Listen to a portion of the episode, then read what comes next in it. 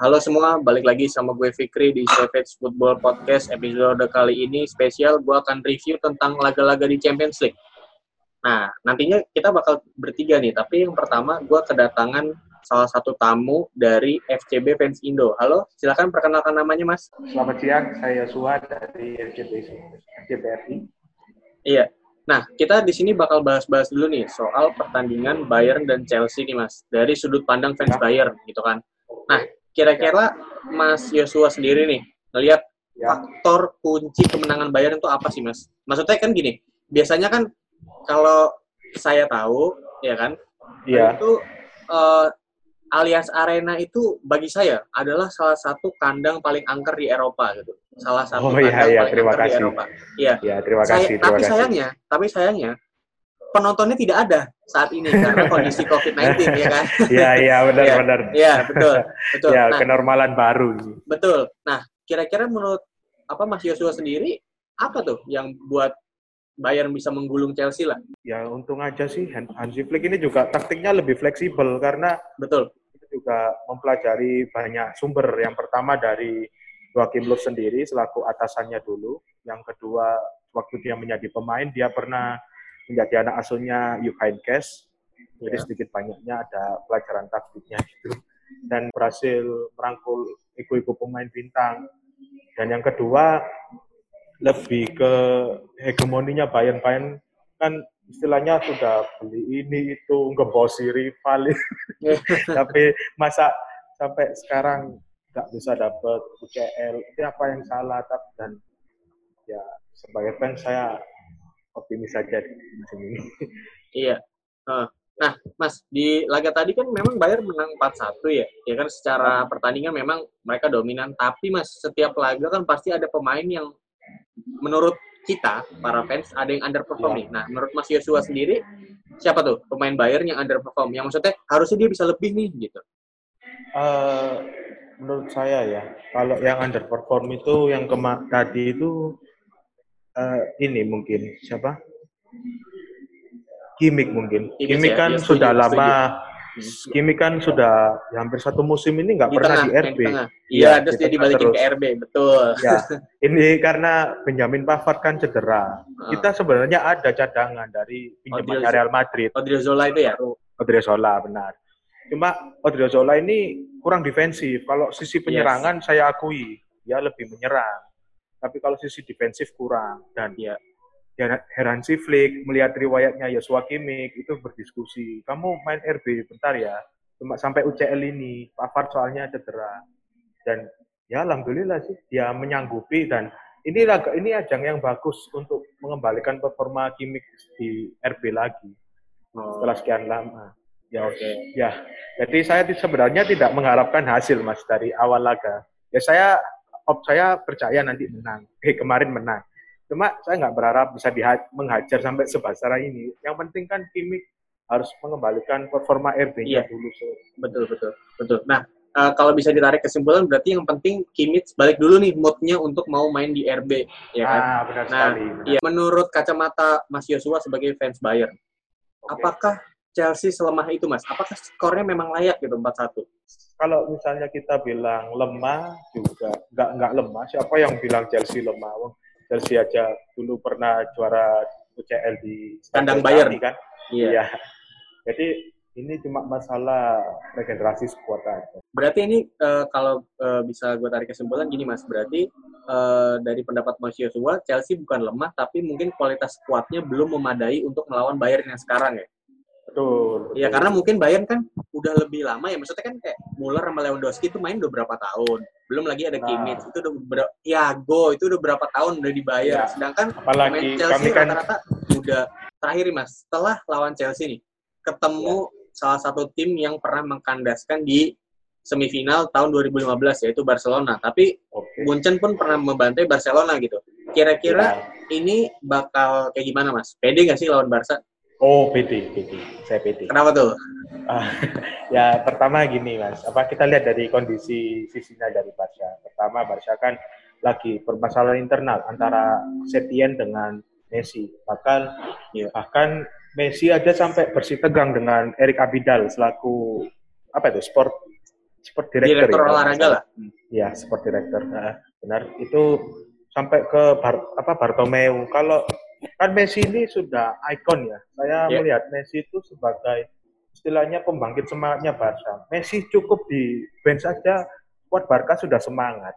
Iya. Jadi kalau misalkan ini karena ada permasalahan internal, saya tetap optimis. Apalagi kembali lagi ke ucap apa ke perkataan saya di awal bahwa ini motivasi hegemoni yang setelah sebelum-sebelumnya sempat kalau dari Bayern sebelum-sebelumnya sempat gagal terus gitu. Ya, sampai kemarin kan cuma 16 besar kalah dari Liverpool itu pasti Iya. lebih besar gitu. Ah. Jadi saya optimis, saya tetap optimis. Ya sebagai fans ya wajar lah optimis. Iya, iya, iya. Tapi tapi ini Mas, ini kan nanti sistemnya one game. One leg. Iya, one game. Nah, mainnya di Lisbon. Itu maksudnya kan ini kan gini, menurut saya apa Camp Nou sama Allianz Arena itu adalah stadion angker nih di Eropa. Sulit sekali untuk menang di, di situ ya kan. Maksudnya ini kedua tim udah nggak bisa ngandalin kandangnya, mereka main di tempat netral ya kan. Benar, Nah, benar. Itu menurut Mas Yosua sendiri nanti peluangnya apakah Bayern bakal menang misalnya menang gede kayak lawan Chelsea gini atau mungkin menang-menang tipis? Eh, menang-menang tipis. Mungkin 2-0 dua gol lah. Saya harapnya dua gol sih. Oke, mungkin itu aja. Nanti kita bakal ngobrol-ngobrol lagi nih soal match lain. Kalian tetap terus dengerin Savage Football Podcast. Sampai jumpa di bahasan lainnya.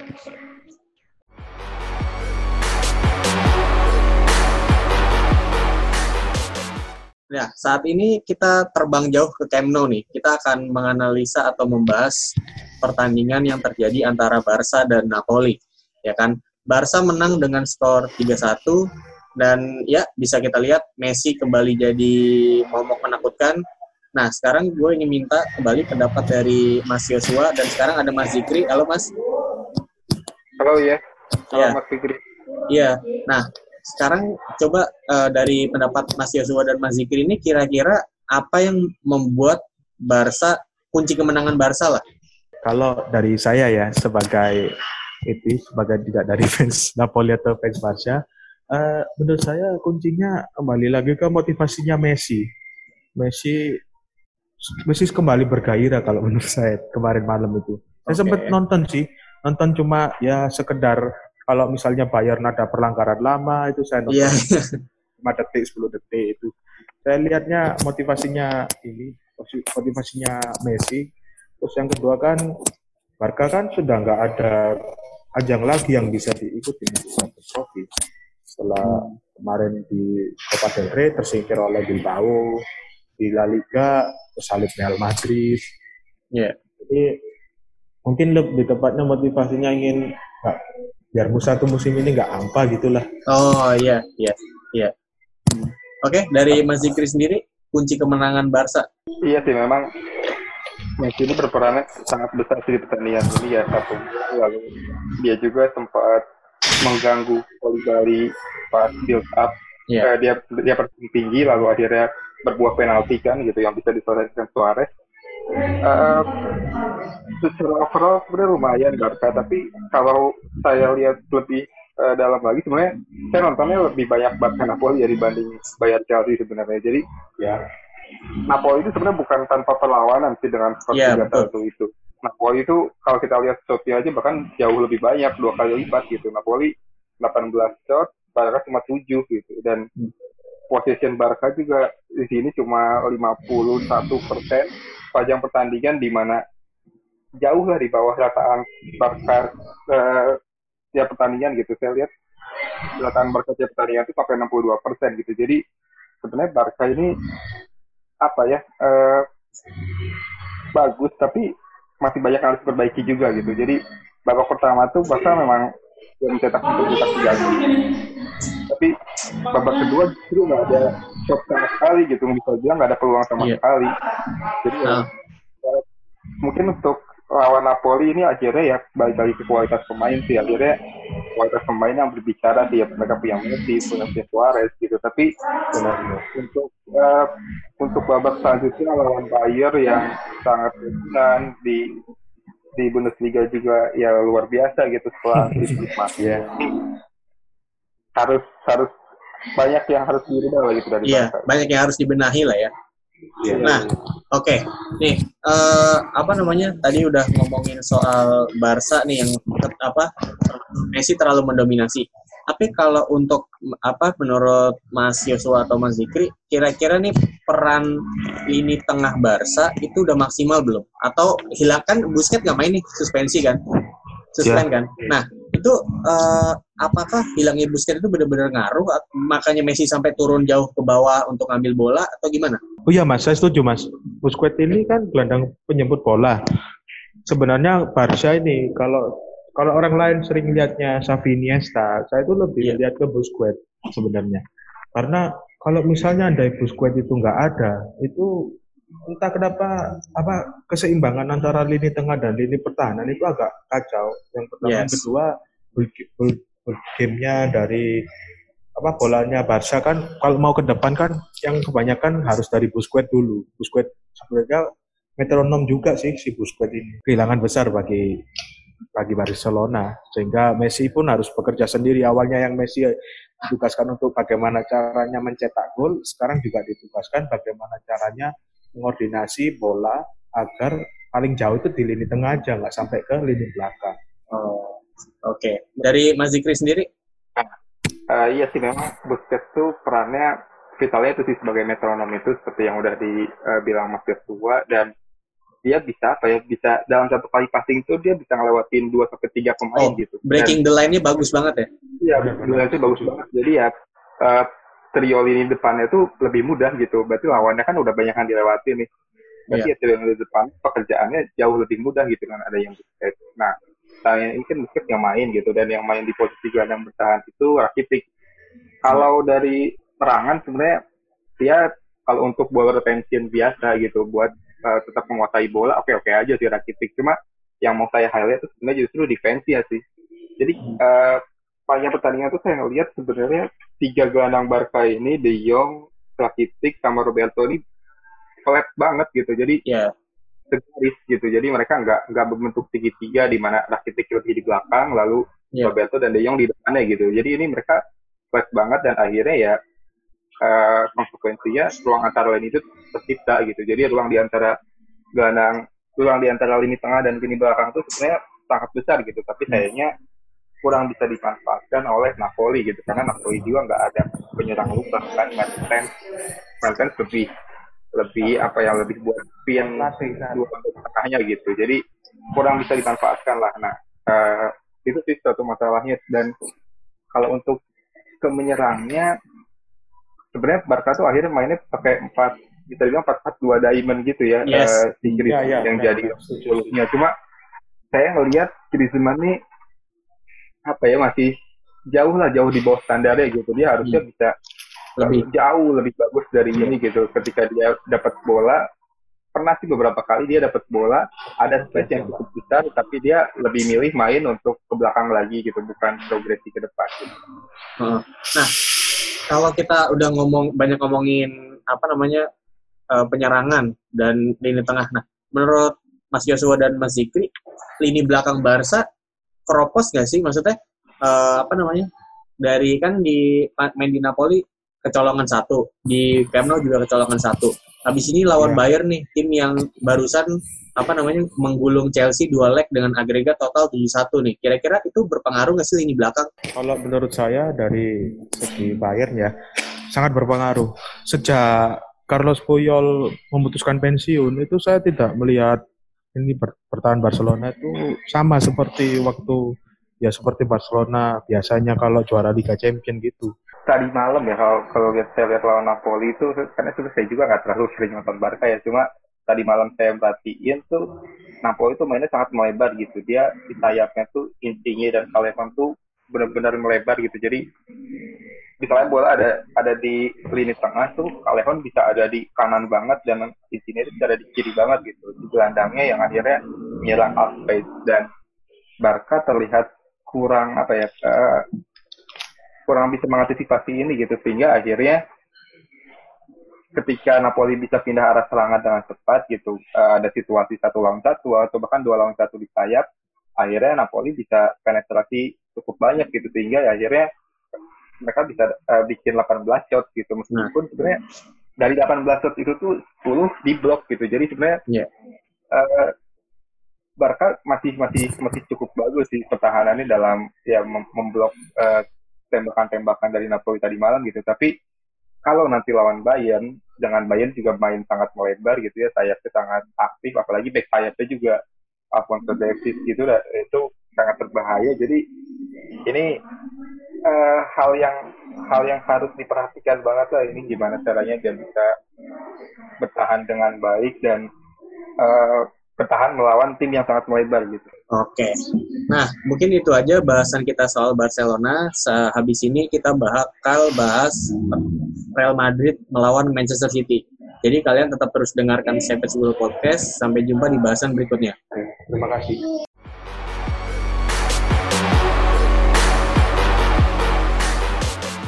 Oke, kita akan membahas laga dari Real Madrid dan Manchester City nih. Nah, uh, kemarin kami sempat membuat pembahasan nih soal Farah blundernya Faran ya kan? Karena banyak orang menyalahkan soal Faran nih. Dari mulai Faran apa namanya yang apa membuat gol jatuh dari langit gitu dan segala macam ya kan? Nah uh, kalau kami pribadi melihat gini mungkin uh, lawan yang mereka apa Madrid lawan di Champions League dengan yang mereka sering lawan di La Liga itu berbeda. Karena uh, di UCL apalagi lawan tim IPL pasti intensitas pressingnya lebih tinggi. Mungkin karena alur permainannya City yang cenderung cepat ya. Saya suka kalau melihat apa tim-tim yang dilatih oleh Guardiola itu selalu pressing dengan gaya permainan yang pemainnya itu punya kecepatan dan teknik yang tinggi. Kita tahu sendiri di City ada Raheem Sterling, ada Kevin De Bruyne, kemarin siapa uh, Gabriel Jesus. Bahkan sekarang mereka lebih bagus karena mereka mempunyai gelandang bertahan sekelas Rodri yang selama ini mungkin sangat dicari oleh Guardiola untuk yeah. menerapkan filosofinya. Kalau dari saya, ini Korea 2-1 dengan dua gol dari uh, Wilber Faran kan. Tapi kalau hanya melihat itu sebenarnya nggak melihat cerita keseluruhannya gitu. Iya ya, jadi City itu sebenarnya serangannya sangat-sangat bagus gitu. Uh, mereka mainnya dinamis banget gitu dinamis bukan cuma dari pergerakan pemain tapi dari secara taktikal juga mereka ada ada hal yang dirubah gitu. Jadi kemarin tuh di atas kertas kan Gabjes main di tengah, Sterling di kiri, Foden di kanan kan. Yes. Tapi babak pertama ya, kita lihat Foden justru main di tengah. Tengah. Foden di tengah, terus Sterling di kanan dan Gabjes di kiri gitu. Jadi Foden ini agak sedikit mundur dan akhirnya jadi penyerang lubang. Dia juga bisa kombinasi pendek sama De Bruyne dan itu uh, menghasilkan peluang yang Sterling itu Sterling sempat ngelewatin lawan tuh sampai akhirnya dia jatuh uh, sebelum Casemiro Michael tuh ada itu pokoknya itu berawal dari kombinasi De Bruyne dan Foden gitu ya.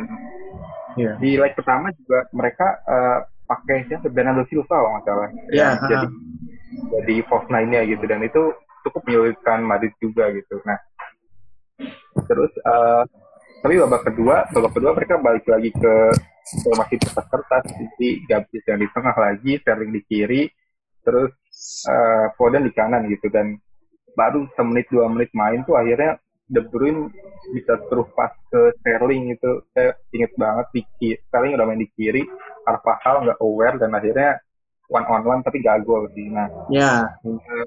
terus itu tuh secara secara overall mereka mainnya sangat bagus sih uh, secara menyerang juga tapi penyelesaian akhir dari skema-skema mereka nggak nggak terlalu bagus. Tapi ya akhirnya blunder uh, blunder Bandit ini gitu yang akhirnya membuat gol City. Dan sebenarnya kalau ngomongin soal kesalahan pemain Madrid gak adil ya kayaknya kalau cuma uh, nyerang Faran gitu. Karena menurut saya banyak pemain yang tampil di bawah standar lah gitu. Carvajal juga beberapa kali blunder. Foto ya, juga lah ya. gitu dia bikin banyak save gitu. Dan ini sih satu yang uh, mungkin bisa di highlight Casemiro. Iya. Casemiro tuh banyak yeah. mispas yeah. dan kalau saya cek uh, statistik ya gitu ya dia umpan sukses itu cuma 74 persen sepanjang pertandingan. Padahal sepanjang musim itu dia 84 persen gitu. Jadi itu jauh banget di bawah standar gue.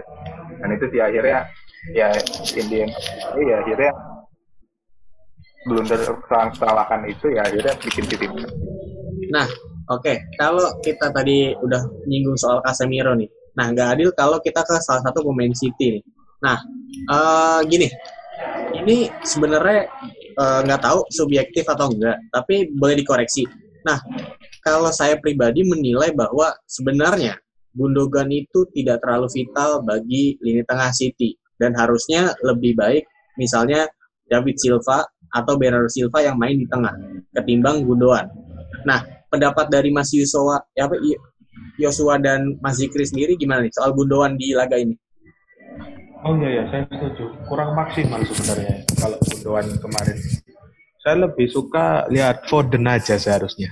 Hmm. Tapi ini mungkin siasatnya Guardiola kan Silva sudah tahun terakhir ini. Yes. Musim depan kan hampir pasti ke Lazio ya hmm. beritanya.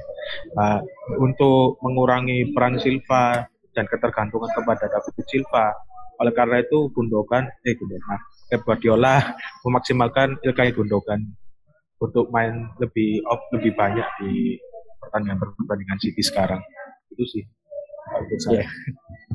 Kalau dari saya, uh, iya sih saya juga sebenarnya agak sedikit bingung karena musim ini Bernardo Silva justru jadi jarang banget main gitu. Padahal lalu ketika mereka juara tuh, yeah. saya Bernardo Silva tuh salah satu pemain yang luar biasa banget lah dia versatile iya gitu hard working iya lari ke mana-mana gitu cuma musim ini justru nggak terlalu banyak main gitu nah kalau balik lagi Gundogan pas pertandingan City lawan Madrid deh uh, dan pertandingan-pertandingan dulu-dulu juga sih yeah. kalau menurut saya Gundogan uh, kurang berani untuk syuting sih itu sih salah satu yeah. yang salah satu yang bisa di highlight mungkin kayak pas pertandingan City lawan Madrid juga ada ketika dia udah dapat bola di ujung kotak penalti tapi dia oper lagi ke Sterling yang ada di kiri gitu dan yeah. operannya juga kejauhan gitu jadi Sterling nggak bisa memaksimalkan. Nah uh, sebenarnya kalau dari segi playmaking ya Gundogan masih masih bagus sih. Dia bisa nyari ruang dia bisa nyari pemain yang kosong gitu. Dia bisa main dua tiga sentuhan dengan cepat gitu ya mana uh, banget itu sama cara bermain Pep gitu. Cuma mungkin uh, dia nggak bisa bikin end product sebanyak De Bruyne gitu yang golden assist-nya gitu ya. Uh, itu bukan dia nggak bisa nggak bisa seperti itu gitu. Gitu sih. Iya. Oke. Okay. ya kan kita tadi udah bahas soal laganya. Kita udah bahas beberapa pemain. Nah satu pemain yang pengen yang pengen uh, gue dapat insight dari kalian nih. Nah yaitu namanya Eden Hazard Nah, Eden Hazard. Oh, nah, ya. ya. Saat saat dia datang ke Inggris, ya kan banyak fans fans Inggris di luar sana, di luar negeri yang bilang dia gini. Ketika Hazard datang ke Inggris, menginjakan kakinya di Inggris, maka Kevin De Bruyne tidak lagi jadi pemain terbaik Belgia yang main di Inggris. Kata dia gitu. Ya kan? Oh. Tapi nyatanya selama pertandingan Eden Hazard banyak dikantongi oleh Kyle Walker. Nah, menurut menurut kalian apakah Eden Hazard itu memang tidak cocok dengan sistem Madrid atau memang Eden Hazard hanya butuh waktu gitu? Uh, menurut saya, menurut saya sih butuh waktu ya. Nggak bisa lah kita langsung menjas bahwa satu musim pertama itu harus bagus. Ya, seperti di Bayern ini, Lucas Hernandez kami beli mahal-mahal sampai rekor transfer 80 juta euro, rekor transfer klub termahal untuk membeli seorang pemain. Itu sekarang masih belum maksimal dikarenakan cedera. Kalau Hazard ini kan lebih ke masalah teknik teknis sih. Jadi ya kita nggak bisa memaksakan apa newcomers itu langsung jadi berperan penting atau langsung membludak itu nggak semua bisa seperti itu. Mungkin bahkan Ronaldo waktu pertama kali datang ke Juve, Ronaldo juga kurang maksimal ya kalau menurut saya karena Juve akhirnya harus merubah permainan agar bisa mengakomodasi Ronaldo di Juventus. Jadi kembali lagi kalau dari Hazard, Hazard juga kasusnya sama sih seperti Frankie De Jong atau Lucas Hernandez. Jadi musim awal, musim pertama kita nggak bisa langsung nggak langsung bagus itu sih kalau dari saya. Ya oke, okay. dari Mas Zikri. Uh, kalau dari kalau dari gue sebenarnya sebagai fans Chelsea sebenarnya sangat miris sih melihat Eden Hazard bilang itu di Chelsea seberpengaruh itu tapi di Madrid sekarang ya jauh banget itu. Nah, uh, gue juga pernah pernah pernah mendalami tentang Eden Hazard di Madrid sih. Jadi banyak faktor sebenarnya. Kalau kita faktor teknis atau faktor di atas lapangan gitu. Dia main di sayap kiri nih, dia main di sayap kiri dan Benzema sebagai striker gitu. Sementara Benzema itu lebih sering striker yang sering uh, main di sayap. Wide. Main di sayap yeah, gitu. Yeah. Dia uh.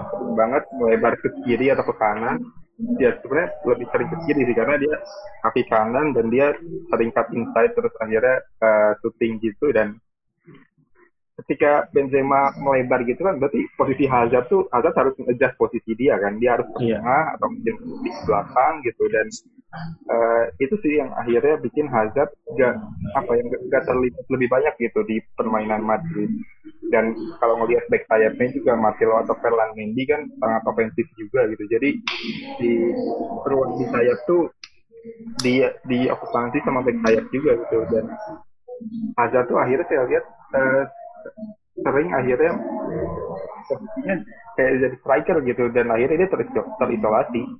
Terus ya uh, untuk kombinasi sama Benzema juga Benzema bukan tipe striker yang bisa lay off kayak Giroud gitu kan dia kalau dapat bola dia uh, lebih sering bawa bola atau mungkin ya nyari nyari ruang hemat gitu beda sama Giroud. Main satu dua sentuhan kasih ke Mozart agar bisa dribbling bisa kreasi kayak gitu. Itu sih itu dari segi dari segi uh, gitu ya. Terus kalau dari aspek-aspek lainnya Hazard juga dari, dari awal musim itu sempat cedera sih dia. Yeah. satu hari La Liga mulai itu dia cedera. Dan oh iya sebelum sebelum itu juga ada kan uh, yang sempat heboh Hazard berat badannya berapa tujuh iya. delapan kilo itu. Iya. Itu jadi jadi gendut banget dan uh, ya itu pasti pengaruh gitu. Dia di musim dia harus mengadjust dulu si badannya baru dia mempersiapkan supaya prima gitu untuk menghadapi musim. Itu pengaruh dan akhirnya cedera terus uh, sempat main nggak lama habis cedera lagi cukup panjang gitu. Jadi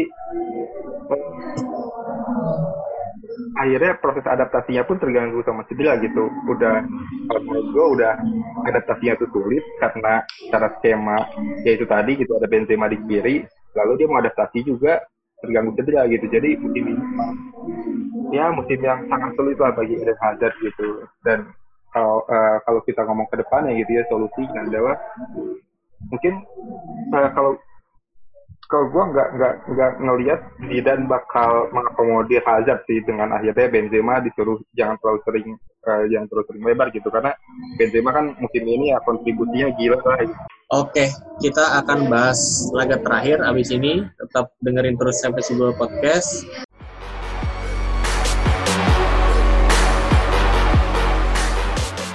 Oke, kita akan bahas laga terakhir yang kita belum bahas yaitu Juventus lawan Lyon. Nah, di pertandingan ini jelas terlihat sekali kekecewaan di wajah Cristiano Ronaldo setelah laga karena timnya dipastikan tersingkir kan. Setelah musim lalu Cristiano Ronaldo tersingkir dari Ajax karena sebelumnya dia sudah terbiasa gitu mungkin merasakan juara Champions League ya kan. Nah, yeah. kalau dari apa yang salah gitu kan? Apa yang salah dari Juventus nih menurut Mas Yosua dan Mas Zikri kira-kira di laga ini? Mungkin lebih ke ini seperti yang yang tadi kita sempat bicarakan bahwa Ronaldo datang ke Juve ini tapi nanti Juve-nya yang mengakomodir Ronaldo kan agar Ronaldo biar maksimal seperti di Madrid. Nah, sementara kita tahu sendiri bahwa Juventus kan di Serie A itu temponya kan jelas berbeda daripada temponya La Liga yang kalau secara keeping atau bola-bola itu lebih cepat, lebih deras alirannya daripada di Italia itu lalu ya kesalahan yang kedua juga Sari ini seperti apa ya kayak saya bilang sih waktu kemarin di Chelsea yang juara Europa League itu seperti hanya ini hanya beruntung saja dia melatih Chelsea karena skuad Chelsea waktu itu bagus-bagus hmm.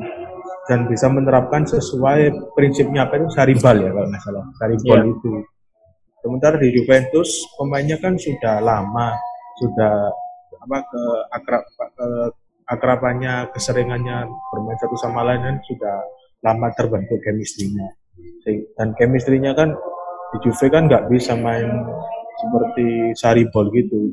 Nah, buktinya Allegri itu yang menurut saya pelatih Italia yang dengan karakter menyerang itu juga tidak apa cuma ya hanya Allegri saja mungkin yang bisa memaksimalkan potensinya Juve untuk saat ini sehingga kegagalannya mungkin tidak apa Mauricio Sarri kurang bisa menerapkan prinsip bolnya Sarri ball itu seperti saat beliau pelatih Napoli atau di Chelsea. Kalau dari gua uh, lebih ke taktikal yang kita ngebahas. Jadi si Ju Juve ini kan pakai 4-4-2 ya tadi uh, pas lawan Lyon itu dan hmm. Oh. Tapi salah satu sayap itu bukan bukan bukan sayap gitu. Jadi sayap kirinya itu diisi sama Rabiot. Nah yeah. kalau gue ngelihatnya uh, mungkin Rabiotnya bakal sering bakal sering masuk, bakal sering bantu tangan. Lalu Alexandro ini bisa lebih banyak overlap yeah. dan uh.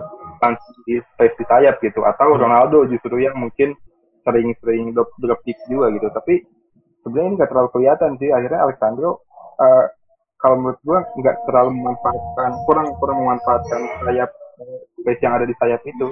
Yang yang Rabiot ke Rabiot masuk jadi sayap itu harus ikut juga gitu. Jadi sebenarnya ada space tapi ya ini kurang dimanfaatkan sih. Itu itu pertama. Terus nggak ada Paulo di bawah ini benar-benar kerasa banget sih akhirnya disconnect diskoneksi lini tengah dan lini depan tuh benar-benar kelihatan banget gitu. Dan ya gelandangnya Juve Pjanic Bentancur tuh kurang apa ya, menurut gua nggak kreatif di bala lah gitu. Nggak nggak bisa menjadi penghubung seperti di bala gitu. Dan uh, dua strikernya ini juga bukan yang mobilitasnya tinggi gitu. Ronaldo meskipun tidak Ronaldo kualitasnya tetap tinggi ya tapi bukan yang mobilitasnya tinggi. Dan kita lihat juga Ronaldo kali offside ini di pertandingan ini. Dengan dua dua striker seperti itu harusnya kalau kalau gue pas di awal tuh wah ini tadi bakal sering main crossing ini gitu. Si uh, Juve ini. Tapi ya akhirnya tema itu mungkin crossingnya nggak nggak nggak berjalan dengan maksimal gitu. Sehingga akhirnya golnya juga tercipta dari penalti satu dan tendangan spekulasi Ronaldo satu lagi gitu. Terus ini kan kekalahan eh, ya menit kedua ini kalah secara agregat akhirnya tadi dipecat. Kalau menurut gua emang apa eh, cara bermain Sari dan kualitas pemain dan tipikal perma, uh, tipikal pemain Juve ini gak cocok sih karena Sari yang memainnya sangat vertikal gitu. Pengen buat cepat ke depan gitu ya. Itu kan si pemainnya berarti harus mobi, mobile banget dan pemain harus nyari ruang dia harus nyari uh, ruang di antara ini gitu. Ya harus nyari uh, posisi yang tidak terjaga oleh lawan gitu. Sementara pemain-pemain udah rata-rata udah berumur ya dan mobilitasnya udah kurang bagus gitu jadi akhirnya ya Saribau ini emang emang emang dibilang bisa dibilang gak bekerja dengan baik lah di Juve gitu. Oke. Nah, ini mau nanya pendapat ini soal Lyon. Nah, Lyon ini apa sih yang mereka lakukan hingga bisa meredam Juventus gitu? Di kandang mereka menang satu uh, kosong, di kandang Juventus dia bisa apa namanya uh, nyuri satu gol gitu kan? Itu apa yang mereka lakukan? Menurut saya ini apa? Lebih ini apa? Lyon ini kan karakter permainannya kan dari dulu sampai sekarang itu kan ini apa eh, kayak kick and run gitu loh apa istilahnya tuh aliran bolanya cepat lari la, apa banyak pemain-pemain tipikal sprinter jadi kalau misalnya Juve ketemu tim seperti ini seperti karakter-karakter tim-tim yang suka berlari itu sering kesusahan. Seperti waktu itu ketemu Bayern ketemu Barca. Itu kalau mungkin di final aja ya mungkin waktu itu Juve underperform lah. Tapi kalau di babak knockout memang unggul Juve, tapi sebenarnya Juve ini dari dulu sampai sekarang itu kalau menurut saya sejak sejak mereka 2012 dilatih oleh Antonio Conte itu problemnya itu kesulitan kalau menghadapi tim-tim yang istilahnya pemainnya itu mobilitas tinggi dan karakternya sprinter semua gitu. Memphis Depay, Husam Aurar, kan banyak di Olimpiade itu lebih sprinter itu sih secara defense ini Lyon memang kompleks banget dan uh, justru kayak nggak punya solusi gitu untuk melawan okay. Comebacknya defense Lyon gitu ya. Lyon pakai 352 dan akhirnya kita bertahan dua back sayapnya itu mundur, mundur jadi ya jadi lima iya gitu kan ya. Dan akhirnya space-nya nggak terlalu banyak gitu. Tapi ya itu tadi sih sebenarnya kalau ngelawan tim-tim yang seperti ini gitu yang main compact defense dan uh, defensive line sangat rendah gitu, low block gitu. Jadi uh, solusinya itu ya harus bisa bermain uh, lebih cepat, harus bisa main dari sisi ke sisi lebih cepat gitu. Ada satu uh, sayap yang sangat mengstretch lapangan gitu sehingga dia bisa ketika pindah arah tapi ya ini nggak nggak nggak terjadi gitu di pertandingan ini. Bahkan sayap kirinya pun seorang gelandang tengah gitu kan Rabiot gitu. Jadi dia nggak nggak memberi pelebaran lapangan juga. Nah itu sih itu salah satu permasalahan eh, salah satu permasalahan Juve itu di pertandingan lawan Jerman Oke, nih satu pemain yang uh, pengen gue highlight yaitu Miralem Pjanic. Dia kan udah dari beberapa musim jadi ibarat kata apa ya uh, kartu as Juventus di lini tengah nih. Tapi semenjak kabar kepindahan pertukaran dia dengan Arthur itu banyak orang dalam tanda kutip meremehkan lah, meremehkan Pjanic kan. Nah, menurut uh, Mas Yosua dan Mas Zikri sendiri, apakah Pjanic itu udah benar-benar apa ya, udah benar-benar hilang habis masanya atau sebenarnya kalau kita lihat sebelum-sebelumnya di Juventus, Pjanic itu kan vital. ya Vital, vital sekali untuk distribusi bola dari lini belakang, lini tengah ke lini depan. Tapi mungkin karena Sari itu ingin ya seperti Guardiola itu ingin apa? Tadi Guardiola dengan Silva agar pengaruhnya Silva itu mulai direduksi perlahan-lahan.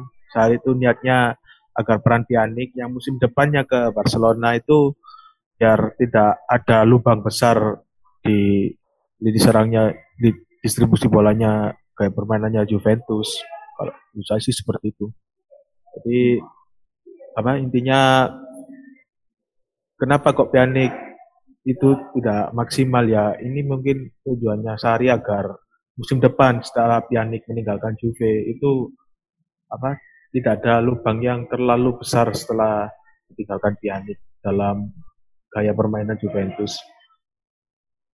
Iya. Oke. Okay. Dari Mas Zikri? Ya, kalau kalau dari gua uh, gue jarang nonton Juve ya Juve jadi paling ngebahas dengan lawan Lyon aja gitu ya. Iya. Gue Pjanic ini jadi kurang terlihat, jadi kurang optimal kan. Uh, akhirnya dia karena nggak ada penyerang lubang tadi itu ya karena pakai 442 dan striker dia dua-duanya itu terjual kayak target man gitu yang striker kotak penalti banget gitu mereka nggak drop deep uh, drop deep tapi bukan untuk mengkreasi gitu ya jadi akhirnya Pjanic ini tuh uh, bisa dibilang mengemban tugas sebagai penghubung lini tengah dan lini depan juga gitu. Sementara sebenarnya itu bukan bukan uh, tipikal permainan dia gitu. Dia bagus ketika bermain di ya emang gelandang sentral aja gitu. Penyerang lubangnya bukan tugas dia gitu seharusnya itu jadi karena Dybala ini Dybala itu cedera ya? Dybala agak uh, iya cedera. Iya. Cedera ya? Iya iya cedera. Oh.